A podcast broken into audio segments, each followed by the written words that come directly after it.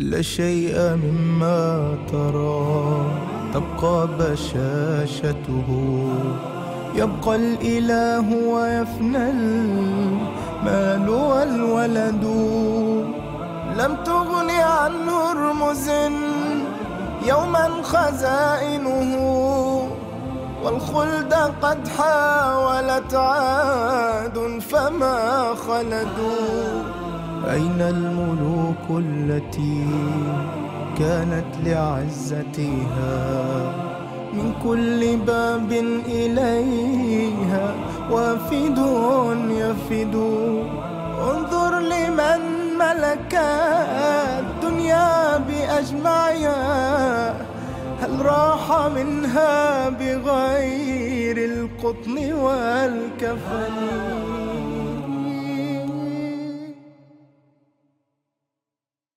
لا يمتن أحدكم إلا وهو يحسن الظن بربه عز وجل. هكذا قال نبينا صلى الله عليه وسلم. وبين النبي صلى الله عليه وآله وسلم أن لحسن الخاتمة أسبابا وأن لسوءها أسبابا.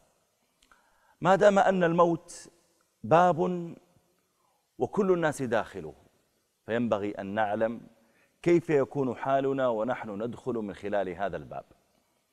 من أسباب حسن الخاتمة الصدق مع الله تعالى.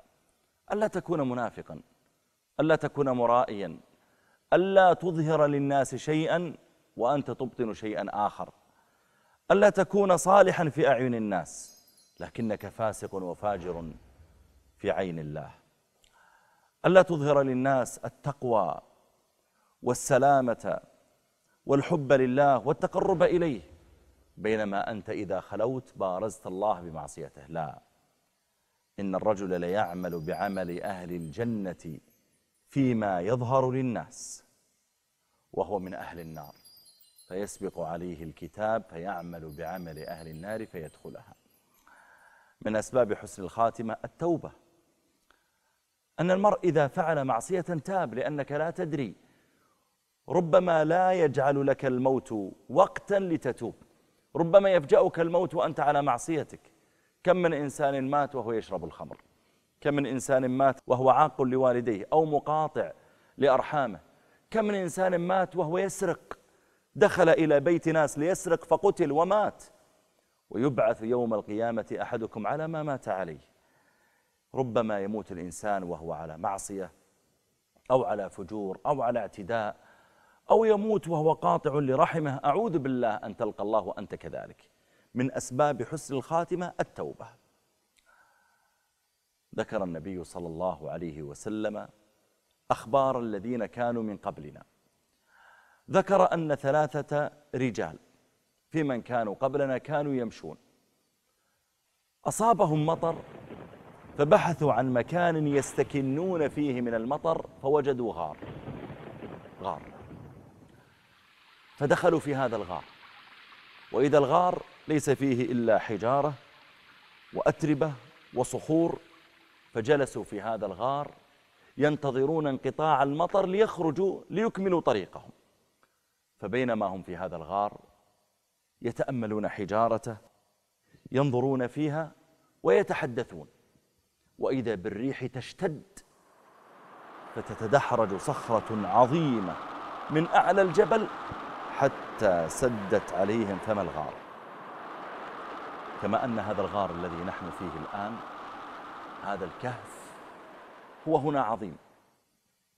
لكني لما دخلت إلى مدخل الكهف كان ربما لا يتجاوز مترا في متر أو مترا ونصف في متر ونصف.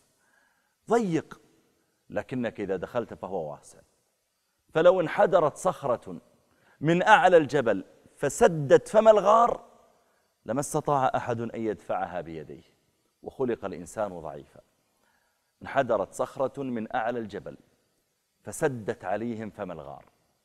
فنظر بعضهم إلى بعض وإذا هم في هذا الغار بين هذه الصخور لا طعام يكفي ولا شراب يكفي ولا فراش ولا زوجة ولا ولد ولا أحد. يصرخون يصيحون يحركون الصخرة لا يستطيعون. فنظر بعضهم إلى بعض وهم يفكرون هل هذا يعني أن هذا هو قبرنا؟ قال أحدهم والله إنه لن ينجيكم مما أنتم فيه إلا أن تدعوا الله الله وحده الذي يراكم يسمعكم يعلم ما في قلوبكم. الله إلا أن تدعوا الله بصالح أعمالكم. جعل كل واحد يتذكر. ماذا عندي من عمل صالح؟ ماذا عندي من صدقة؟ من بر؟ من غض بصر؟ من إحسان؟ من إصلاح بين الناس؟ من أمر بمعروف؟ نهي عن منكر؟ من صلاة ليل؟ من تلاوة من ذكر. جعل كل واحد يفكر. فقال أحدهم اللهم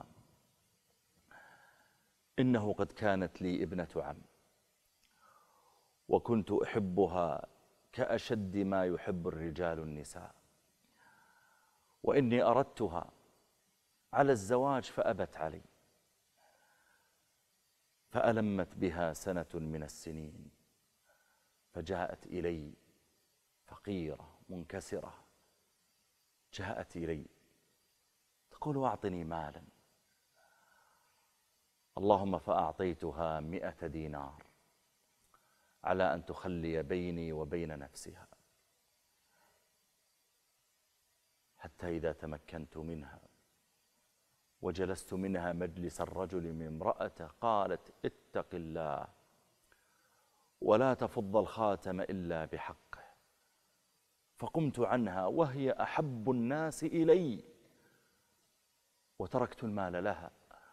اللهم إن كنت تعلم أني ما فعلت ذلك إلا ابتغاء وجهك والتماس مرضاتك.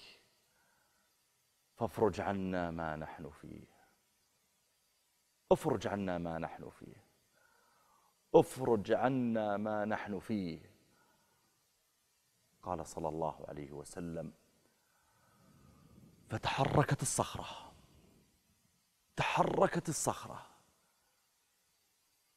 غير أنهم لا يستطيعون الخروج. فقال الثاني اللهم إنه قد كان لي أبوان شيخان كبيران. وكنت لا أقدم عليهما أهلا ولا مالا. وإنه نأى بي طلب الشجر يوما. هذا الرجل عنده أطفال. يحبهم يرحمهم يشتاق إليهم. عنده زوجة. عنده أم وأب. وهما شيخان كبيران. ليس عنده دخل للطعام والشراب إلا غنيمات.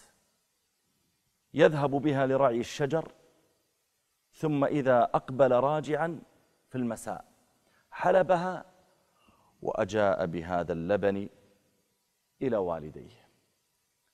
فإذا شربت أمه وشرب أبوه وشبع بعدها يسقي أطفاله وزوجته ويشرب. هذا عشاؤهم.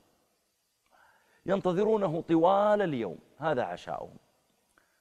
في يوم من الأيام لم تكن المراعي القريبة مناسبة ليرعى فيها غنمة. فاضطر إلى أن ينأى إلى أن يبعد بطلب الشجر. قال اللهم إنه نأى بي طلب الشجر يوما. فرجعت إليهما بغبوقهما باللبن وإذا هما قد ناما. فجئت يا ربي فوقفت باللبن فوق رؤوسهما. كره أن يوقظ والديه وأن يقطع عليهما لذة النوم. وكره أن يسقي أولاده قبلهما أو أن يشرب. قال فظللت واقفا باللبن. والصبية يتضاغون عند قدمي يبكون. ظل واقفا باللبن. حتى استيقظ الوالدان فشربا. اللهم إن كنت تعلم أني ما فعلت ذلك إلا ابتغاء وجهك والتماس مرضاتك. فافرج عنا ما نحن فيه. افرج عنا ما نحن فيه. افرج عنا ما نحن فيه. يقول ذلك وهو يتذكر صبية صغار ينتظرونه. يتذكر شيخين كبيرين يترقبان حضوره. يترقب زوجة تسأل. افرج عنا ما نحن فيه. قال صلى الله عليه وسلم فتحركت الصخرة غير أنهم لا يستطيعون الخروج.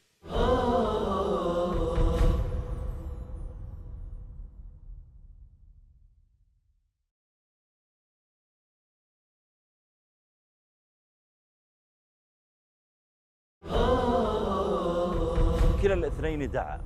الأول دعا بعفته عن الحرام.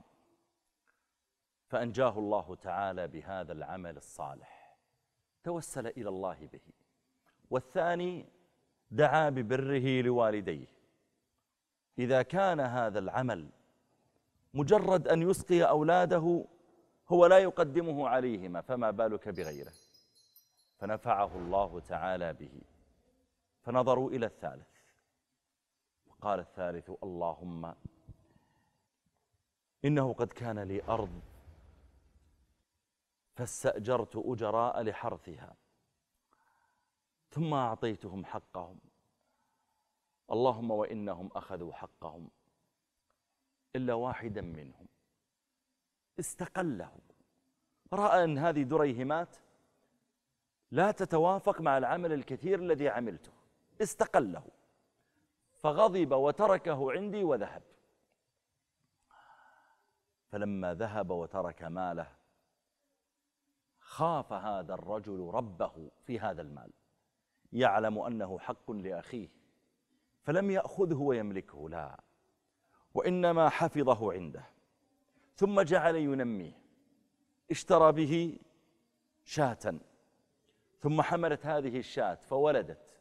فصارت الشاة وولدها ملكا لذلك الرجل الغائب. ثم كبرت بنت هذه الشاة. وحملت فولدت وولدت الأم فكثرت الغنم ثم باع منها واشترى بقرا وتكاثرت ثم اشترى إبلا وتكاثرت ومضت سنة وسنتان وثلاث وأربع وخمس وذلك الرجل غائب وهذا الأمين يهتم بماله. ثم في سنة من السنين أقبل ذلك الرجل من بعيد. إلى صاحب المال يطلب ماله. قال اللهم وإنه جاءني يطلب ماله. اللهم فقلت له هل ترى هذا الوادي؟ هل ترى هذا الوادي المليء بالغنم والإبل والبقر؟ هل تراه؟ قال نعم. قال هذا مالك. فنظر ذلك الفقير إلى ذلك الوادي وإذا فيه ثروة عظيمة. وهو يذكر أن ماله دريهمات. لا تكاد أن تملأ الكف الواحدة دريهمات. قال له اتق الله ولا تستهزئ بي.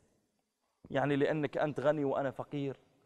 لأنك في موضع القوة وأنا في موضع الضعف. لأن الله أعطاك أكثر مما أعطاني. أنت تستغل ضعفي. تستهزئ بي. أنا ما عندي أي دليل يدينك. أنا ما عندي أي شاهد على أنك عندك مال لي. اتق الله ولا تستهزئ بي. ما صدق أن هذا المال كله له ما صدق. قال والله إنه مالك. والله إنه مالك. إني استثمرته لك وحركته وتاجرت به حتى أصبح ملء هذا الوادي غنم وبقر وإبل ورعاة غنم. قال فاستاقه كله. جاء هذا الرجل صاحب الدريهمات الأصلي جاء إلى هذا المال البقر والغنم والإبل وساقها كلها أمامه. ثم قال هذا الرجل في الكهف وهو بين هذه الصخور الصماء التي لا تجيب صوتا ولا مناديا التي لا تشبع جائعا ولا تروي عطشان وهو بين هذه الصخور قال اللهم إن كنت تعلم أني ما فعلت ذلك ما حفظت هذه الأمانة إلا ابتغاء وجهك والتماس مرضاتك فافرج عنا ما نحن فيه افرج عنا ما نحن فيه. قال صلى الله عليه وسلم فتحركت الصخرة وخرجوا يمشون وخرجوا يمشون. لم يموتوا عطشا وجوعا وتكون هذه نهايتهم. لم يموتوا وقد فارقوا أهلهم وزوجاتهم. لم يموتوا وهم في غم وهم. لم يموتوا وهم في أذى. لا وإنما أخرجهم الله تعالى إلى هناك إلى أهلهم. التوبة يرفع الله تعالى بها قدرك ويحسن بها خاتمتك. من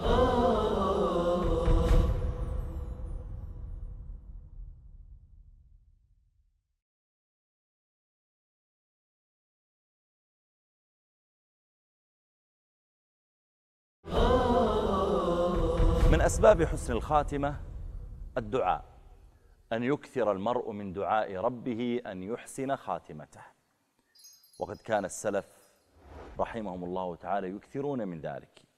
يدعو الله تعالى في سجوده يدعو إذا حج في عرفة يدعو وهو يطوف على الكعبة يدعو في آخر الليل يدعو الله تعالى أن يحسن خاتمته وأن يهون عليه سكرات الموت. من أسباب حسن الخاتمة البعد عن ظلم الناس البعد ألا تظلم أحدا ألا تمشي بين الناس وقد ضربت هذا. وسببت عرض هذا ومكرت بهذا واحتلت على هذا وأكلت مال هذا. لا أن تمشي بين الناس وليس لأحد عليك حق. هذا من أحسن أسباب حسن الخاتمة. ألا يكون للناس عليك حقوقا أبدا. والدواوين يوم القيامة ثلاثة. أنواع الأعمال ثلاثة. ديوان لا يغفره الله تعالى أبدا وهو الشرك بالله. من لقي الله مشركا إن الله لا يغفر أن يشرك به. وديوان بين العبد وبين ربه وهو ظلم الإنسان لنفسه. قصر في صلاة قصر في زكاة قصر في حج أفطر وهو صائم من غير عذر. وديوان يقضي الله تعالى فيه بين الناس وهي حقوق العباد. حقوق العباد. فمن أسباب حسن الخاتمة ألا تظلم أحدا. أن تبيت في الليل ولا تذكر أن صاحب البقالة له عندك مال وصاحب ورشة السيارات وأنك ظلمت زوجتك أو فرقت في العطية بين أولادك فظلمت بعضهم دون بعض. لا أن لا يكون عندك ظلم أبدا. فيدعو عليك الناس فربما صحت عند الموت. ظلم الحجاج بن يوسف سعيد بن جبير. ظلمه ظلما شديدا فقتله. قتل الحجاج بن يوسف الإمام الصالح سعيد بن جبير. فلما نزل الموت بحج بالحجاج بن يوسف جعل يشهق ويقول ما لي ولسعيد بن جبير ما لي ولسعيد بن جبير. لما نزل به الموت جعل يتذكر طريقة قتله. والرجل لم يصنع شيئا. فلا تظلمن أحدا. لا تأكل مال أحد. إذا أردت حسن الخاتمة لا تأكل مال أحد. ولا تعتدي على أحد. ولا تتسبب بظلم أحد. اجعل نفسك تعيش وأنت سليم الصدر سليم الجيب سليم المال سليم العرض سليم الفم من أن تتكلم في أعراض الناس. من علامات حسن الخاتمة عند الموت أن يموت على طاعة أن يموت وهو يصلي أن يموت وهو يتلو القرآن أن يموت وهو يدعو الناس إلى الخير أن يموت وهو يلبي وهو محرم. ومن علامات حسن الخاتمة الموت بعرق الجبين. يقول النبي صلى الله عليه وسلم المؤمن يموت بعرق الجبين. يعرق جبينه يرشح عند الموت. وقد ذكر الشراح لذلك أسبابا. قال بعضهم أنه يعرق جبينه حياء من لقاء الله. حياء من لقاء الله. وقال بعضهم يعرق جبينه خوفا وتعظيما لله. وقال بعضهم يعرق جبينه لأن الله تعالى أراد أن يطهره من بقية ذنبه فأصابه ألم في أثناء خروج روحه. من علامات حسن الخاتمة أيضا أن يموت المرء وليس عليه حقوق للعباد. لا يموت وهو يذكر أن فلانا يطلبه مالا. أو أن فلانا قد احتال عليه بشيء. لا أن يموت وليس في عنقه أي حق من حقوق الناس.